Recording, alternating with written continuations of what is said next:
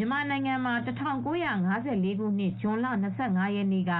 ရန်ကုန် မင်္ဂလာဒုံလေဆိပ်ကနေ ရခိုင်ပြည်နယ် စစ်တွေမြို့ကိုပြန်တမ်းမဲ့နိုင်ငံတော် လေကြောင်းတည်ယူပို့ဆောင်ရေးအဖွဲ့ပိုင်ဒါကိုတာ HYACT လေယာဉ်ကို ဖဆပလ အစိုးရကို ခုခံတော်လှန်ဖို့အတွက် ပြန်ပေးဆွဲခဲ့မှုတဲ့ ကရင်မျိုးသား ကာကွယ်ရေးတပ်ဖွဲ့ KNDO တပ်ဖွဲ့ဝင် ဗိုလ်စောကျော်ကြီးဟာ ဖေဖေါ်ဝါရီလ28ရက်နေ့က ရန်ကုန်မြို့မှာ ကွယ်လွန်သွားခဲ့ပါတယ်။ သူဟာကွယ်လွန်ချိန်မှာအသက်102နှစ်ရှိပြီဖြစ်ပါတယ်။သူဟာတခြားယောဂမရှိဘဲလူကြီးယောဂနဲ့သာကွယ်လွန်သွားခဲ့တယ်ဆိုပြီးမြေးဖြစ်သူမတ်ဩဂတ်မွန်ကအခုလိုပြောပြပါတယ်။ည9နာရီဟုတ်ဟုတ်ဟုတ်ကဲ့ပါည9နာရီပါလူကြီးပဲပေါ့100နှစ်နှစ်ဆိုတော့တကြီးလေးပဲတော့သူအိပ်ကျော်ပြီးတော့ပဲယောဂဘာယောဂမှမရှိအဲ့ဒီခေတ်ကဟန်မာရီသတင်းစာအပါအဝင်အစိုးရပိုင်သတင်းစာတွေမှာတော့အဲ့ဒီလေယာဉ်ပေါ်မှာကြောက်ဖြူငွေတိုက်ကိုပို့လိုက်တဲ့ အစိုးရငွေ9သိန်း2400ပါရှိတယ်ဆိုပြီးရေးသားကြပါတယ်။ဒီနောက်အဲ့ဒီပတ်စံတွေကိုစောကြော်ရေးအဖွဲ့နဲ့ကွန်မြူနစ်ရဲဘော်ဖြူအဖွဲ့တွေကခွဲယူသွားကြတယ်လို့လည်းရေးကြပါတယ်။သူနဲ့ပတ်သက်လို့ကရင်မျိုးသားအစည်းအရုံးရဲ့ခေါင်းဆောင်ဟောင်းဗိုလ်မှူးစိုးစိုးကတော့အခုလိုပြောပြပါတယ်။သူမျိုးသားအတွက်တော့စိတ်ဆန်နေ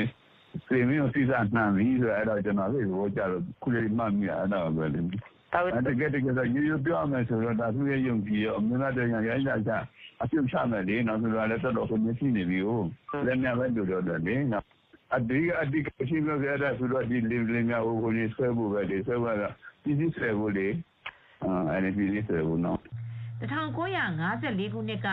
ရန်ကုန်မြို့ကနေ ရခိုင်ပြည်နယ်ကြောက်ဖြူမြို့နဲ့ စစ်တွေမြို့ကိုသွားမဲ့ခရီးသည်တင် လေယာဉ်တစ်စင်း အပိုင်စီးခံရတာ ဖြစ်ပါတယ်။ လက်ပစ်ဘုံကိုဖောက်ခွဲပစ်မယ်ဆိုပြီးချိန်ချောက်ပြီးလေယာဉ်ကိုပြန်ပေးဆွဲခဲ့ကြောင်းမကွယ်လွန်ခင်ကဘိုးစောကျော်အေးကပြောပြခဲ့ပါတယ်။ဒီလိုလေရင်အပိုင်စီးမှုကိုကရင်မျိုးသားကာကွယ်ရေးအဖွဲ့ KNDO တပ်ဖွဲ့ဝင်စောကျော်အေးစောသိန်းကျော်နဲ့စောအငိမ့်တို့ကစီစဉ်ခဲ့တာဖြစ်ပါတယ်။ဒီကိစ္စကိုခေါင်းဆောင်ခဲ့သူကတော့အခုကွယ်လွန်သွားခဲ့တဲ့စောကျော်အေးဖြစ်ပါတယ်။သူတို့ရည်ရွယ်ချက်ကကရင်ပြည်နယ်ရဲ့တောင်တန်းတွေပေါ်မှာ ဂျပန်စစ်သားတွေခြံထားခဲ့တဲ့လက်နက်ခဲယမ်းတွေကိုရှာဖွေပြီး